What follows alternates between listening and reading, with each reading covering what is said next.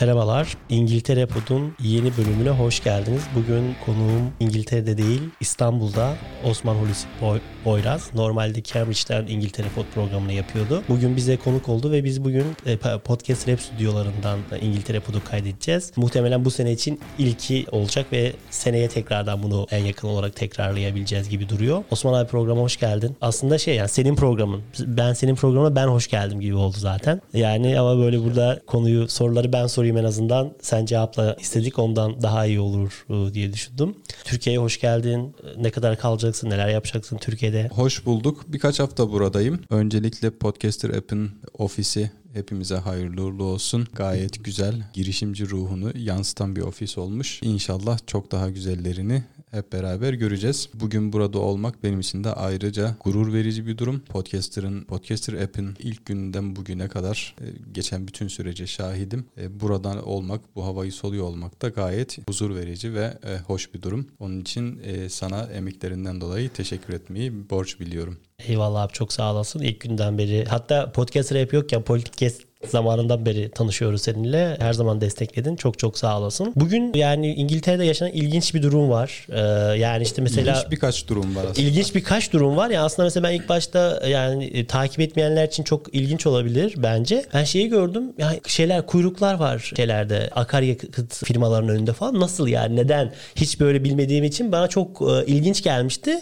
Yani ve sonradan bakınca İngiltere'de bir petrol krizi olduğunu öğrendik ve bu petrol krizinin yani petrolün yokluğundan ziyade petrolün dağıtımının yapılamamasından dolayı kaynaklandığını Aynen, öğrenince daha da ilginçleşti olay. Şimdi bu İngiltere'deki petrol krizi nedir? Neden yaşandı? E, neler oluyor? Böyle bir özet verelim istersen. Şimdi konuyu yakından takip eden insanlar aslında bu krizin geleceğini çok iyi biliyorlardı. Ama halk bu gerçekle geçtiğimiz haftalarda yüzleşti. Bir akşam evde otururken abim aradı ve e, benim evimin yakınındaki petrol istasyonunda kuyruk olup olmadığını sordu. Merak ettim ne kuyruğu dedim. Bana dedi ki insanlar petrol istasyonlarına gidiyorlar ve petrol depoluyorlar. Sebebi de ne dedim? Petrol yok. Güldüm. Ondan sonra aradım bizim evin yakınındaki petrol istasyonunu. Kuyruk var mı orada dedim. Dedi ki kuyruk yok çünkü yakıt yok dedi. Ee, ondan sonra abimi aradım. Ne kadar yakıtımız kaldı dedim. 60 millik bir yakıtımız kalmış. Dedim ki hemen buraya gel ve şehri bir arayalım bakalım. Var mı e, yakıt sağda solda? O gece 8 istasyona gittim ve hiçbirinde dizel yakıt kalmamıştı. Bazılarında benzin kalmıştı.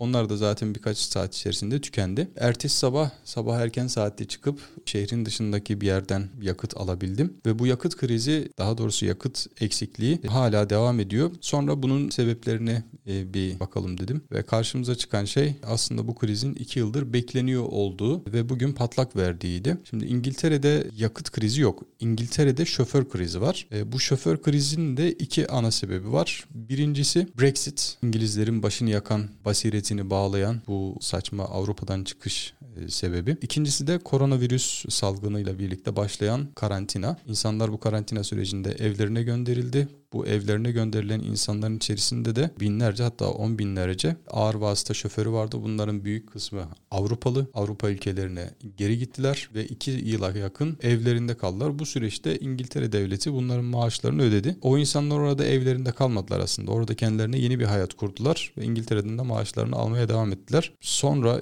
bu maaş verme olayı bu hafta bu ay sona eriyor. E, son başvurular yapılıyor. Artık onlar maaş almayacakları için orada buldukları işlerde devam edecekler. Oraya kendilerine bir düzen kurdular. Şimdi İngiltere o gidenlerin geri gelmesini bekliyor. 25 bin civarında Avrupalı şoför Covid sürecinde ülkesine döndü ve bunların hiçbiri geri gelmedi. Hatta diğer sektörlerden de 1 milyona yakın Avrupalı çalışanın, İngiltere'de çalışan Avrupalının ülkesine gittiği ve geri dönmediği biliniyor. Bütün sektörlerde çalışan eksiği var ama en hayati sektör taşımacılık sektörü yani arz sektörü gıda zinciri ya da diğer tabiriyle 100 bin civarında şoför açığı var. Ne marketler, ne toptancılar, ne de benzin istasyonları, yakıt istasyonları yeterli şoföre ulaşamadığı için dağıtımlarını düzenli yapamıyorlar. Düzenli yapamadıkları için de arz zinciri ya da gıda zinciri kopmuş durumda. İngiltere bu krizi Christmas'a doğru yani Noel'e doğru bekliyordu. Böyle bir kriz var dedin. Tam işte gıda krizi demişken yani Christmas'e doğru bu krizin aslında beklendiğini söylemiştin biraz önce konuştuğumuzda. Christmas'te nasıl nasıl bir e, kriz bekleniyordu ve neden bu kadar öne geldi bir yandan da ve bu özellikle yani şu an gıdada çok büyük bir sıkıntı yok anladığım kadarıyla ama neler olabilir gıda tedariği konusunda? Gıda tedariğinde şu anda öne çıkan bazı ürünlerde sıkıntılar var. Özellikle diyet ürünleri ve e, bir takım e, unlu mamullerin arzında sıkıntılar yaşanıyor. Bazı sebzeler de buna eklendi. Bununla birlikte petrol krizinin de ortaya çıkmasıyla birlikte daha fazlası da yakın zamanda gelecek. Ama İngilizlerin Christmas'a yönelik yani Noel'e yönelik en büyük endişelerinden biri şuydu. O dönemde satılan sadece ya da ağırlıklı olarak o dönemde satılan başlıca ürünler var. Bunların başında hindi geliyor. Ondan sonra bir takım kuru yemişler var. Onların geleneksel kuru yemişleri. Bunlar için ayrıca ek seferler düzen, düzenlenirdi Christmas'a doğru marketlere. Bunun sıkıntısının yaşanacağı söyleniyordu. Bunun endişeleri yaşanıyordu ki bu endişelere artık gerek kalmadı. Çünkü bunun yaşanacağı kesin hale geldi. Çünkü temel ürünlerin, temel gıda ürünlerinin bile şu anda arzının sıkıntısını yaşıyoruz. Bu krizde artarak devam edecek gibi görünüyor. Bunun sebebini Brexit dedik. Brexit'i biraz açalım. Niye e, böyle bir durum var? Çünkü İngiltere Avrupa Birliği'nden çıktı ve artık Avrupa Birliği'nden buraya yani İngiltere'ye çalışmak için gelen insanlar vize almak zorundalar. Bu o insanların 40 yıldır alışık olmadığı bir şey. Yani bugün 40 yaşında olan bir Avrupalı İngiltere'ye vize alması gerektiğini duyduğunda bir şokla karşılaşıyor. Bu nedir diyor yani. Çünkü hayatında görmediği bir şey ve buna bir tepki var. İngiltere'nin Avrupa Birliği'ni yüzüstü bırakması bir tarafa insanların da bireysel olarak böyle bir e, vizeyle karşılaşma durumu onların İngiltere'ye tepki göstermesine sebep oluyor. Bu sadece şoförler açısından değil. İngiltere'de özellikle sıhhi tesisat ya da inşaat işlerinde çalışan milyonlarca Polonyalı vardı. Bunların çok önemli bir kısmı kendi ülkesine döndü ya da başka Avrupa ülkelerine gittiler. Önemli bir kısmı Almanya'ya gitti. Orada çalışıyorlar. Yavaş yavaş bu sektörlerde de sıkıntılar baş gösterecek. İnsanlar önceden Avrupa Birliği'ndeyken kendi ülkesinin herhangi bir şehrine gider gibi İngiltere'ye gelip çalışıyordu. Vergi e, konusunda da sıkıntı yaşamıyorlardı ama şu anda diğer dünya ülkeleriyle aynı kaderi paylaşıyor olmaları e, onları İngiltere'ye gelmekten alıkoyuyor açıkçası. Bir de enerji krizi kapıda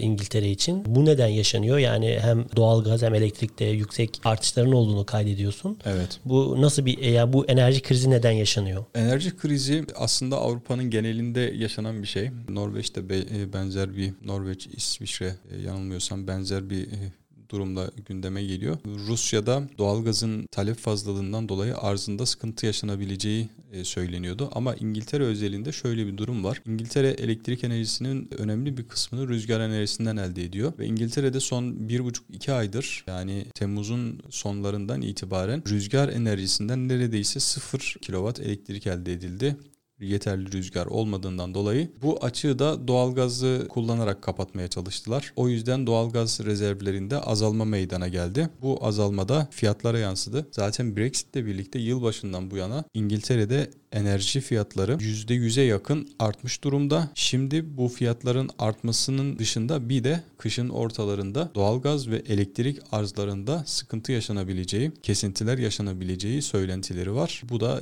insanların e, son derece endişe ettiği, endişe etmeye başladığını gösteren bir durum. Peki yani burada hem enerji krizi var dediğin gibi gıda krizi var, petrol krizi var. Yani bir krizler ülkesi ve cidden bir varlık içinde yokluğu yaşayan bir halk var şu an. Peki İngiltere'nin çözüm önerileri neler? Cidden bu sorunları çözecek e, çeşitli girişimler mevcut mu şu an hükümetçe yapılan? Maalesef bu sorunları çözmeye yönelik herhangi bir somut adım göremiyoruz. Yani petrol krizi ayyuka çıktığında İngiltere e, Başbakanı Boris Johnson ve ekibi sadece 5000 Avrupalı şoföre 3 aylığına yani bu Christmas'a atlatmak amacıyla e, vize kolaylığı sağlayacağını duyurdu. Bu Avrupalı şoförlerden rağbet görmedi çünkü insanlar bunun dalga geçer gibi bir adım olduğunu düşünüyorlar. İngiltere'de şoför açığı 100 bin civarında. Şoförlerin yaş ortalaması 57. Yani bunların önemli bir kısmı 50, 50 65 yaş üzeri. Bunların bir kısmı hali hazırda günümüzde şu anda emekli oluyor bir kısmı olmaya devam ediyor ve önümüzdeki süreçte emekli olacaklar. Bu açık artarak devam edecek. Bunun karşılığında İngiltere'de ağır vasıta şoförü ehliyeti almak için sırada bekleyen 35-40 bin civarında şoför adayı var. Yani gelen gideni karşılamıyor. E, karşılamadığı gibi de açık büyüyerek devam ediyor. Bunun dışarıdan yani outsource e, edilerek çözülmesi gerekiyor ve İngiltere hükümeti buna yanaşmıyor. Çünkü Brexit'le böyle bir adım birbirine zıt görünüyor. Çünkü İngiltere'nin Brexit yaparkenki motivasyonu Avrupalılar geliyor, İngiliz çalışanların ya da İngiltere'de çalışacak İngilizlerin işlerini elinden alıyor diyorlardı. Yani bu e, ülkemizde de mevcut olan bir bakış açısı. Yabancılar geliyorlar, göçmenler geliyorlar, işlerimizi elimizden alıyorlar. Biz işsiz kalıyoruz. Bu gerekçeyle bu gerekçeyle Brexit yaptılar ve kazın ayağının öyle olmadığını gördüler. Mesele yabancıların gelip işinizi işi elinden alması değil. Mesele o ülkenin insanının çalışıp çalışmayı isteyip istemediğiyle alakalı bir durum. İngilizlerin bu işlerde çalışmak istemediği görüldü. Çünkü İngiltere'de iş bulamıyorum dediğinde İngiliz hükümeti sana ev veriyor, işsizlik maaşı veriyor ve İngilizler önemli bir kısmı kolaylıktan faydalanıyorlar. Ee, daha hafif işlere, part-time işlere gidiyorlar. Haftada 16-17 saatlik çalışmayla devletten ev alıyorlar, işsizlik maaşı alıyorlar ve rahatlarına bakıyorlar. Ucuz iş gücü olarak ağır işleri yapan insanlar Avrupalıydı. Özellikle Doğu Avrupalıydı. Şimdi bunların açığını yaşıyoruz. Yaşamaya da devam edeceğiz. Çünkü İngiltere Brexit'i yani tabiri caizse tükürdüğünü yalamak istemiyor. Yani Brexit'i yaptığı motivasyonun dışında bir hareket yapmak istemiyor. O yüzden de bu konuda yani şoför alımı ya da işçi alımı konusunda vize rejimini yumuşat, yumuşatmayı düşünmüyor geçici bir süreliğine yumuşatacağını söyledi ama bu da insanların rağbet göstermediği, Avrupalı insanların rağbet göstermediği bir durum haline geldi. Şeyi merak ettim. İş, işsizlik maaşının şeyi ne kadar abi? Ne kadar veriyorlar? Valla alıyor olsam bilirdim. Almıyoruz. Ha mesela evet, onu tam buraya geçelim. Biliyorsan ilginç olurdu abi mesela ev ee, ve şey. Ondan dedim. Yani şöyle belediye yani council Buraya evleri cevap diyorlar. verme istiyorsun abi boş Yok şey verebilirim. Hani bildiğim kadarıyla şey yapayım. Tamam. Duruma göre yani part time çalışanlara farklı şey yapıyorlar. Bir de çocuklar için de ayrıca para veriyorlar. Bir de ev kirasına atıyorum işte 1500 poundluk bir ev kiraladın. Bunun için sen 200-250 pound ödüyorsun. Gerisini devlet ödüyor. Bu İngiltere'de çok önemli bir şey. Çünkü İngiltere'de gider kaleminin en büyüğü konaklamadır. Yani asgari ücretin 1800 e, pound civarında olduğunu düşünürsek 1000 poundluk 1500 poundluk evi o adamın kiralaması mümkün değil. Kredi çek diye bir e, sistem var İngiltere'de. Bir ev kiralamak istiyorsan yıllık gelirin o evin aylık kirasının 30 katından fazla olacak.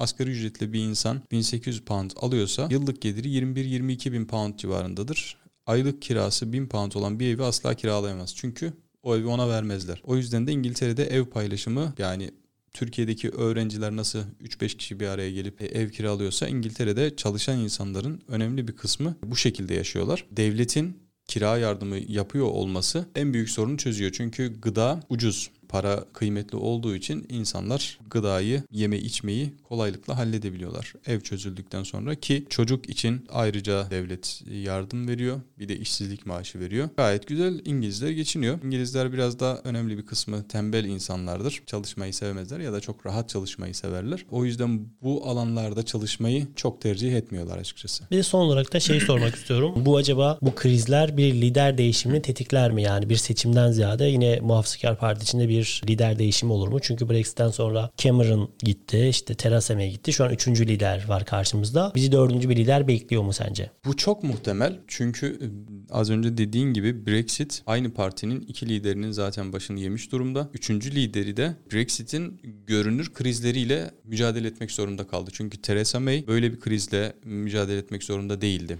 Çünkü hali hazırda onun döneminde işler eskisi gibi devam ediyordu. Çünkü Avrupa Birliği'nden ayrılmamışlardı. Yani Theresa May anlaşmayı yapamadığı için koltuğundan oldu. David Cameron zaten tepkisel bir durumdan dolayı koltuğunu kaybetti. Bir de onun babasının vergi kaçırma meselesi falan da ortaya çıkınca o da o meselelerle koltuğundan oldu. Ama işin zor kısmı Boris Johnson'a kaldı ve Boris Johnson da bu sorunu çözmek için somut adımlar atmıyor. Yani onu bağlayan iki şey var. Biri Brexit'i zaten isteyen kişilerden, muhafazakar partide en ateşli şekilde isteyen kişilerden biri Boris Johnson'du. O yüzden Brexit'e aykırı işler yapamıyor. İkincisi ise Avrupa'dan istediği karşılığı bulamıyor. Kendi sınırları içerisinde kalarak yap, verdiği küçük tavizler Avrupa için ya da Avrupalı çalışanlar için yeterli olmuyor. O yüzden de Boris Johnson bu krizlerle mücadele etmeye devam edecek ve çözebilir mi zor görünüyor. Çok teşekkür ederim. Böyle ya İngiltere Pod'un yeni sezonunun ilk bölümünü Podcast Rap stüdyolarında çektik. Sen de İstanbul'daydın. Bundan sonra Cambridge'den bize sesleneceksin sanırım. İnşallah. Bence güzel bir program oldu ilk bölüm için. Çok çok sağ olasın. Ben de çok teşekkür ediyorum. İngiltere Pod'u dinlediniz. Ne diyoruz? Sen nasıl bitiriyordun abi? Ee,